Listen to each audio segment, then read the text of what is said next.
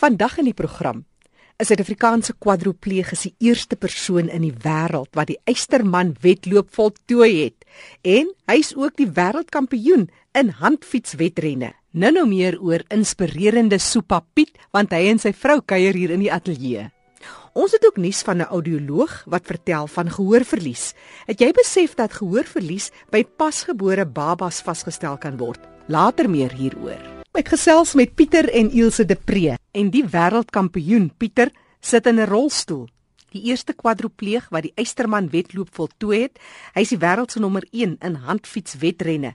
Hy het verlede jaar in 2014 die derde keer die Berlyn maraton gewen en 'n nuwe Afrika rekord opgestel. Dis al vir die afgelope 12 jaar wat hy in 'n rolstoel sit en soos ons kan hoor, staan hy vir niks terug nie. Jy werk vir 'n groot ouditeursmaatskappy, 'n eksterne ouditeursmaatskappy. Ja, ja, ek werk vir Deloitte, maar ek is eintlik aktuariële analis, so ek werk by die aktuariële kons konsultering um, afdeling. So. En jy's 'n arbeidsterapeut, Ilse? Ja, ek is. Maar Pieter was nooit my pasiënt nie. Wil jy sommer nou hierso regmaak? Ja. Ek is seker daarna daarom toe. So bietjie jou? Nee, hy het eintlik vir my 'n paar goed gewys. Regtig? ja. Maar praat van hy was nooit jou pasiënt nie, want dit was 12 jaar gelede. Vertel ons baie kortliks jou verhaal, Pieter. Ja, so ek, ek was besig om nog te studeer my my universiteit doen by Raal wat nou UJ is. Ehm um, en ek was pretty much of professionele atleet ook. Ek was in die sporthuis gewees op 'n sportbeurs en ek moes die dag um, 60 km geoefen het op die fiets en ek het 'n uh, hamstring nigel gehad. So uh, ek was eintlik op pad na 'n chiropractor toe op die fiets. Um, en ek het gaan soontoe ry en terug en dan doen ek so my oefening alles twee twee vlee met een klap. En toe op pad soontoe het ek kar maar nie gesien nie en toe slyf hulle van my fiets af te breek ek my nek. Ja, en nou sê ek wel ja, op die eindresultaat af van is dat ek 'n C6 kwadripleeg is. Wat beteken dit? C6 kwadripleeg beteken jy is heeltemal verlam van jou nek af onder toe, ag wel van jou bors af onder toe. Um, en meeste mense dink as jy 'n kwadripleeg is, kan jy net jou kop beweeg. Eintlik beteken dit dat al vier jou ledemate is geaffekteer. So ek het armbeweging, maar ek kan glad nie my vingers en my hande beweeg nie. Ek het net gewrigbeweging, bicep beweging en my skouers. Um, so, so jy kan nie meer Liesel se hand vashou nie. Nee, maar ehm um, ja, daar is ander maniere, weet jy, soos ek sê, daar's ehm um, ek is heeltemal onafhanklik as 'n CSS kwadripleeg. Daar's nie baie wat dit kan sê in die wêreld nie. Ehm um, en dis alsne net triks en tegniek hoe jy goeders doen, jy weet, mm. met jou hande en met jou lyf wat jy het. Maar die so. belangrikste is seker jy wil dit wees. Dis 'n wil. Ja, ja. Ek dink weer eens soos party CSS kwadripleeg wat nie eens half van die goed kan doen wat ek doen nie. Ons party parapleeg wat volle armfunksie het wat nie eens half van die goed kan doen wat ek kan doen nie. Maar hulle lewe gelukkig want hulle jy weet vir my so dit beteken nie 'n moeder doen om gelukkig te wees nie maar ek wou so onafhanklik gewees het en jy weet nie hulp nodig gehad het nie. So dis verseker die wil hy verskil maak. En jy het baie uh, niks uh, tegnologies gevorderde rolstoel nee jy weet weer ja ek, ek stoot dit in 'n normale ek bedoel is 'n baie mooi lekker rolstoel maar jy weet rol, rolstoel wat ek stoot ja jy weet so niks spesiaal nie. Weet ander ouens sal dalk 'n elektriese stoel sit of so. En en weer eens ook ander ouens lewe dalk in in 'n plek waar dit die paai of die goeders dalk baie moeiliker is om in so 'n rolstoel te sit en dan is 'n elektriese rolstoel baie meer prakties. Ja, ja, ja, jy's in die stad en dit help so bietjie, ja, so bietjie nee, meer gevorderd. Absoluut, ja. Maar Ilse, vertel my hoe het julle toe bymekaar gekom? Jy sê dit was nie die sy rolstoel en sy kwadripleeg uh, posisie nie. Nee, glad nie. Ek en sy boetie was saam gewees in 'n Bybelstudiegroep, so ons was vriende gewees. En toe sy ongeluk gebeur het, toe het hy vir my laat weer af van. Op daai stadium was sy broer al eintlik in Australië. En hy het meer vir my gevra met sy maanpa te gaan gesels oor wat nou regtig 'n spinalkoordbesering beteken omdat hy geweet het op daai stadium het ek in 'n rehab gewerk. So hy was in 'n koma toe ek die eerste keer vir hom ontmoet het, so hy weet nie eers daarvan nie. so ek sê altyd ons het letterlik per ongeluk ontmoet. ja, Mooi, so, dit, van daar wat ons maar net vriende geraak toe het ons vriendskap van daardie ontwikkel. So ek het dit glad nie verwag nie. wat is van hy lesse wat jy eintlik sê, "Wow, ek meen jy sit met al jou ledemate volledig werking." Wat was van hy lesse wat jy moes leer? Een van die groot lesse wat ek by Pieter geleer het is dat 'n uh, rolstoel nie moet maak dat jy dink daar's goed wat jy nie kan doen nie. Al het ek as 'n arbeidsterapeut met mense in rolstoele gewerk en dit is eintlik my werk om hulle te leer, dink ek nie het ek regtig dit geleef nie. So Pieter het my geleer dat daar's geen limiet wat jy jouself moet stel al is jy mobiliteit beperk. So dis verseker een van die groot lesse wat ek geleer het. Pieter, dit klink of jy dit so maklik hanteer het. Ek is seker in hy beginjare het jy ook maar baie wroeginge gehad en vrae en moeilik geweest. Weet jy, dis die ding wat as ek nou vir jou dit sê soos dit is, gaan jy my nie glo nie. Ehm um, en dis dieselfde wat ek ook net sê om op te staan en te loop is 'n wonderwerk. Uh, jy weet, ehm um, en ek ek is gelowige ou, ek is nie 'n engeltjie nie. Maar ek sal glo tot die dag dat ek doodgaan dat uh, jy weet ek kan 100% genees word, maar vir my is die grootste wonderwerk en dis hoekom ek jy weet Ilse kan vir jou vouch want sy het my eers ontmoet na my ongeluk. Ehm um, ek het nog eendag vrae gevra of gewonder ek was nog nie eendag op antidepressant nie. Nee, daar foute is om antidepressante te drink, maar ek het dit nodig gehad nie. Ek voel my ek het net geweet as ek my geloof vashou as ek fyn en ek het tot vandag toe nog omdat ek in hierdie rolstoel sit het ek nog nie teruggekyk nie. Ek gaan net. Vir my is dit maar net baie genade van bo en ek ek dink nie ek besef weet selfs nou as ek dit sê dink ek nie ek besef hoe baie dankbaar ek daarvoor moet wees nie. Maar terselfdertyd ek het ongelooflike jy weet ondersteuning en so om my gehad. Maar ja dis hoekom vir my dis anderste vir my jy weet. Ek het net voor my ongeluk het ek altyd gedink my lewe is oor as ek nie meer sport kan doen nie. Weet ek was 'n positiewe ou en ek het altyd vir ander mense probeer jy weet sê moenie so negatief wees mm. nie weet. Jy kan nog loop al daai dinge en toe gebeur dit en ek kan net my arms eers oordenklik beweeg nie um en ek kan net aan. So dit was net vir my ongelooflik hoe, hoe God net daar so om my was jy weet so. Ek dink dis die groot ding meeste mense gaan huis toe en hulle sit stil. Ek dink jy moet net jy moet gou want as jy stil so dan sal jy dalk dink en wonder oor al die goed. Waar as jy aangaan en onmiddellik terugkom met die goed wat jy kan doen of jouself besig hou met dinge dan net nie tyd om te dink jy weet so. Ek dink dit dis maar Sjoe, een Pieter, van die ander goeders wat help jy weet so. Jy maak my skaam Pieter, ek dink baie van ons luisteraars kan net sê, "Wow, as ons net 'n bietjie van jou positiwiteit kan aangee aan 'n volgende persoon in jou werk, hoe kry jy dit gedoen?"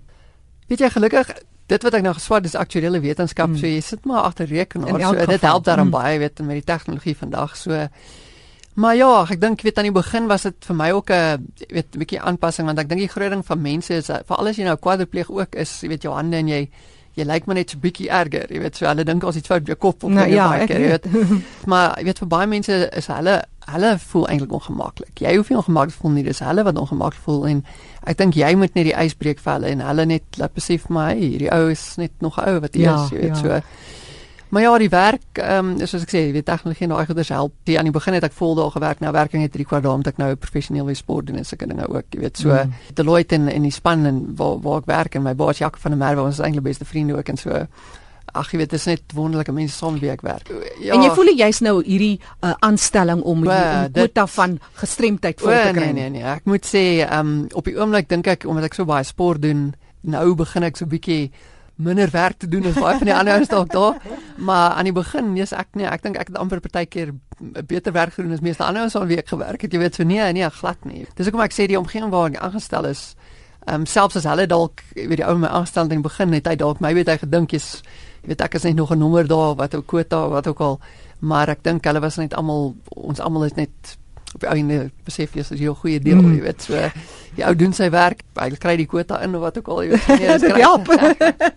jy praat van professionele sport, man, baie kortliks, wat beteken dit? Jy's baie opgewonde oor julle uh, inisiatief ook, nê? Ja, kyk, wel ek doen verskriklik baie sport. Ek is uh, eerste kwadripleeg in geskiedenis en nog steeds die enigste een wat 'n Ironman klaar gemaak het. Ehm um, ek is heidaglik die wêreldkampioen in handfietsry. Wow. Ek is wêreldnommer 1 ehm um, met die maraton op die reisiestoel. Ehm um, ek het al midmars geswem, so ek bedoel ek doen sport, weet, so ek sê professioneel. Ek doen 'n dubbel arm rugslag. Dis ook maar net alself geleer nou as ek kwadripleeg, weet jo. so. Uh Sondag die 3de Mei was dit die Wings for Life World Run. Ehm um, ag en, en dit was nou nie regtig om nou as 'n sportman, jy weet, te wen in die reis nie. Dit was om saam met die ander mense deel te neem, maar dit gaan nou maar meer oor uh, jy weet om te hardloop vir die mm. vir die Wings for Life Foundation. En bewusmaking nie. Vir die bewusmaking van ons en 100% van die um, inskrywings het gegaan vir die foundation wat nou research doen vir, vir spinal cord beserings. So julle webtuiste daar net vinnig vir mense wat wil gaan kyk wat gaan aan by Wings for Life. So ehm um, hulle kan kan gaan kyk by www.wingsforlife.com. Ehm um, en dan kan hulle daar gaan kyk en ons al die al die um links na die die actual world run en sparkles na die world run toe. Julle is so wenspan. Jy weet as mense met julle wil kontak wil maak, is daar daar kontak besonderhede? Weet jy, um hulle kan my kontak. Ek is op op Twitter. Mhm. Um en dis @supapit. Uh, dis S U P A S I. Ja, S U vir super. Oh, okay, so Superman. Maar dis S U P A Supapit. P I E T.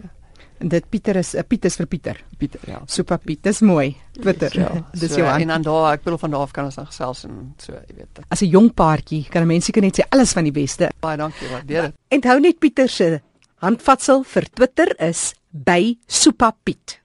En nou vir ons gesprek met 'n audioloog oor gehoorverlies. Kom ons sluit aan by Fanny de Tooy. Baie dankie Jackie.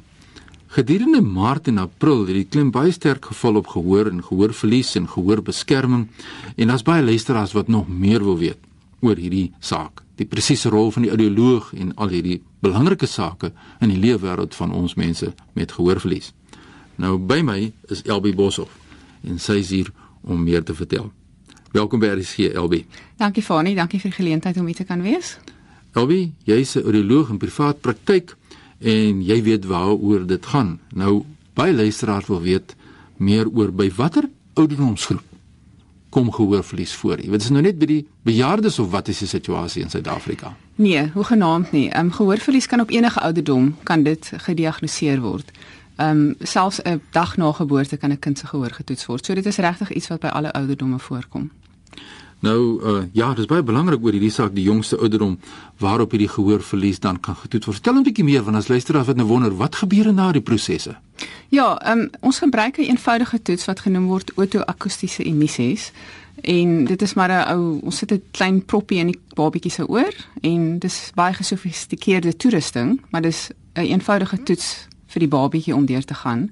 En dit is 'n siftingstoets en dit kan vir ons op 'n baie vroeë stadium sê of daar moontlike gehoorverlies teenwoordig is. Nou ja, nou weet ons dis belangrik voorkoming is altyd beter.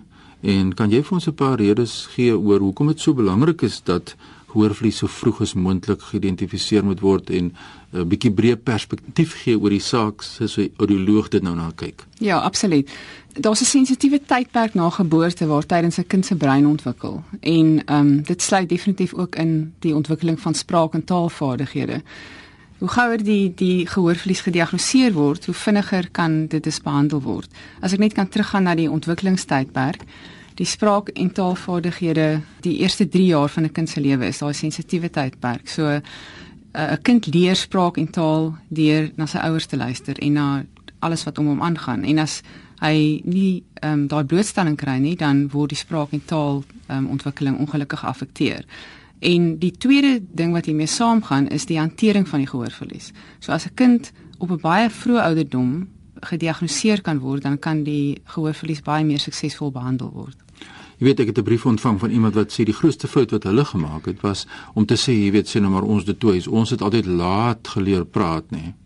En soos moenie bekommerd wees nie. En dit was 'n fout. Wat is jou mening? Is dit enkelvoudige saak of iets wat nou nie altyd gebeur nie of gebeur dit algemeen dat mense te laat dit besef en weet die kind is nie getoets nie. Wat is jou kommentaar daaroor? Absoluut. Ehm um, jy weet tradisioneel dink mense jy moet nou eers wag en kyk of 'n kind se spraak en taal normaal ontwikkel en teen die tyd wat dit miskien op 2 of 3 jarige ouderdom gebeur, is dit te laat. So ja, hoe vroeër hoe beter.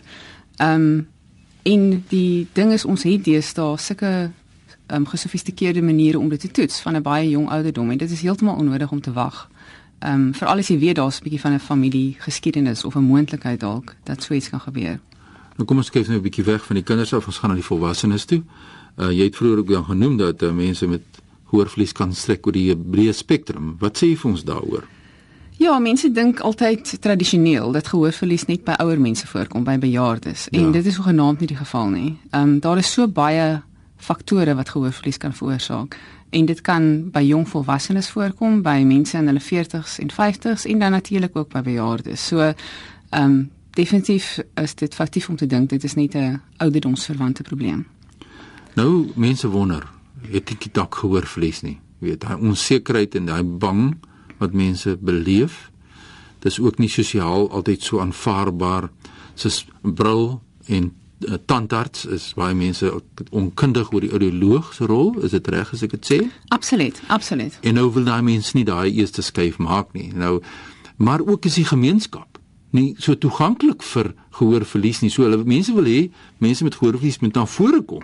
Maar as ons 'n ontoeganklike gemeenskap in terme van hulle denke en die omgewing funksioneer, dan is dit ook nie so maklik vir mense om na vore te kom nie. Wat sê jy vir mense wat nou vandag sit en luister en hulle daai onsekerheid is hier binne hulle, maar hulle wil nie daai eerste stap neem nie.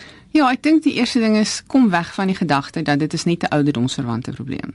Ehm um, en as jy bekommerd is dat jy gehoorverlies het, gaan sien 'n audioloog en as jy voel jy het ondersteuning nodig, neem 'n familielid saam.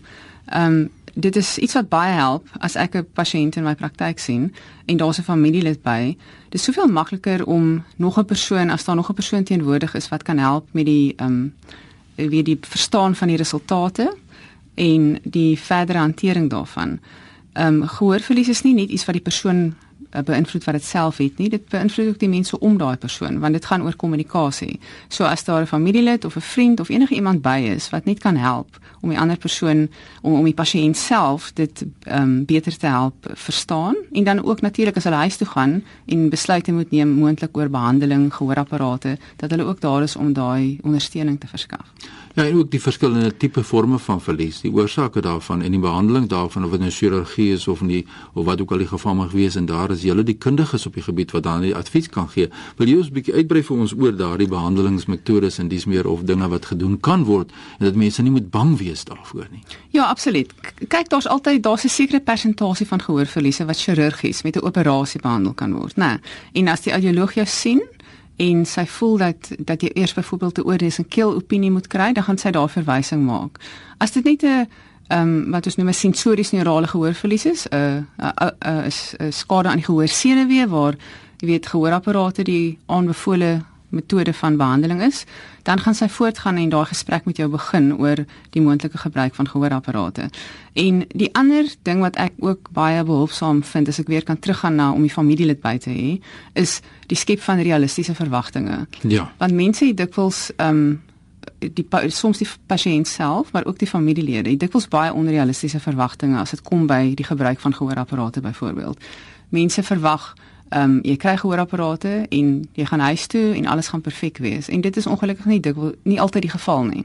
En soos jy self genoem het, die graad van gehoorverlies speel 'n rol en daar's baie ander faktore wat ook 'n rol speel, soos byvoorbeeld die persoon se persoonlikheid en sy werksomgewing of sy sosiale omgewing. So dis nie so 'n eenvoudige saak om net gehoorapparate te kry en jy weet, te dink dit gaan al die probleme oplos nie. So dis vir my altyd belangrik as ek ander familielede of vriende kan kan betrek by die hele proses. Ja, dis die toetsproses aan die een kant, aan die ander kant is die rehabilitasie. Wat my er, persoonlike ervaring is wat in die veld werk, is dat mense kom baie keer by ons aan en sê asseblief, jy weet, uh, help my, ek het nodig om iemand my help by die werk maar uh, my man sit in die kar of my vrou sit in die kar ek, ek is alleen hier jy weet ja. uh, en uh, so uh, dit is so asof mense baie keer nie regtig betrokke wil raak by dit of bang om betrokke te raak ja ek dink ons sê altyd in Engels um, gehoorverlies is the invisible disability nou want mense kan nie noodwendig onmiddellik sien dat jy gehoorverlies ja. het nie so daar's ek dink daar's twee um, faktore vir my wat daar 'n rol speel ek dink die algemene publiek se gebrek aan kennis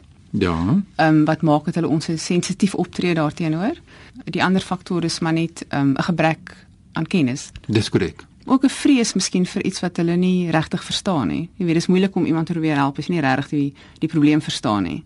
So hoe meer mense mense kan inlig omtrent gehoorverlies, dink ek dit help die persoon wat dit het en dit ook help ook die mense om hom. So ek dis hoekom jou program vir my altyd ek dink uh, baie belangrik is om die algemene publiek 'n um, bietjie op te voed oor gehoorverlies en die ja, hantering daarvan. Daardie vrese en dis meer. Ja. Maar nou mense wat skryf sê, vertel ons bietjie meer oor die oor die loog self.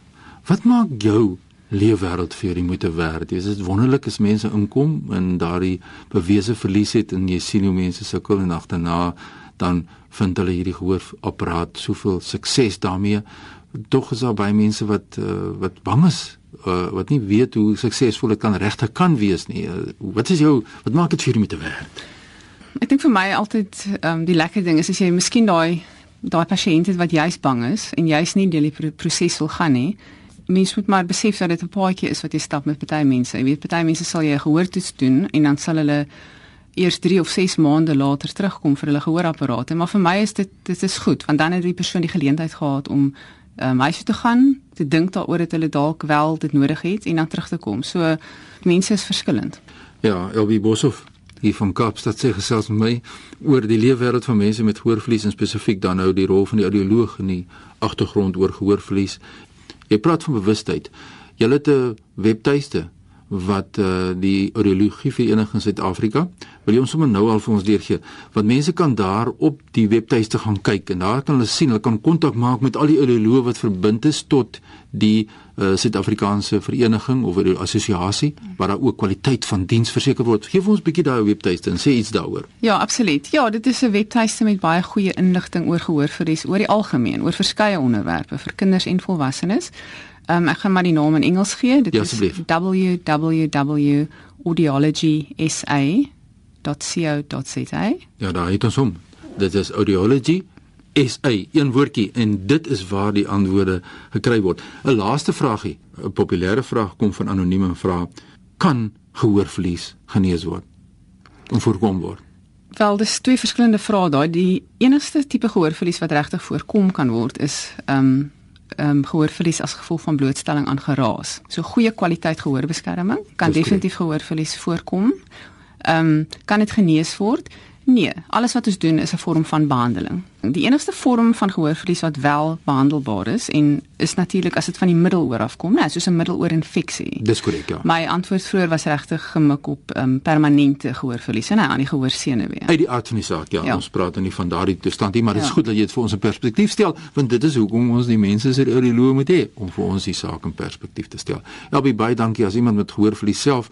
Ek het groot agting vir julle beroep en wat julle doen om die lewenskwaliteit van ons mense met gehoorverlies daagliks te verbeter en ek hoop dat die naam van die audiologie net sal uitkring en van van krag tot krag sal gaan in Suid-Afrika en dat ons ook sosiaal 'n bietjie daardie persepsie sal verander dat die audioloog het net so 'n belangrike rol soos die oogarts en die tandarts en almal en ek dink daar's baie werk nog in Suid-Afrika om dit te aan te spreek veral op skoolvlak met kinders. Is sê stem jy saam daarmee? Ja, absoluut. Ja, ek dink hoe vroeër hoe beter. Geef ons die webtuiste net weer deur waar mense kan aan die aanraking kom met verskillende audioloë in Suid-Afrika. Goed, dis www.audiologysa.co.za. Ja, jy vir my e-pos wil stuur, stuur sommer nou e-pos aan fani@roadtoindependence.co.za of volg my op Twitter by Fani Dreams. Terug na jou daar in Johannesburg, Jackie. Onthou jy kan weer gaan luister na hierdie insetsel van ons program Leefwêreld van die Gestremde. Maak 'n draai op ons webtuiste erisg.co.za, klik op potgooi en soek vir Leefwêreld van die Gestremde. Jy kan ook 'n vinnige SMS stuur, 3343. 'n SMS kos jou R1.50. Ons sal graag jou terugvoer wil hê. Ek is Jackie January wat groet tot 'n volgende keer.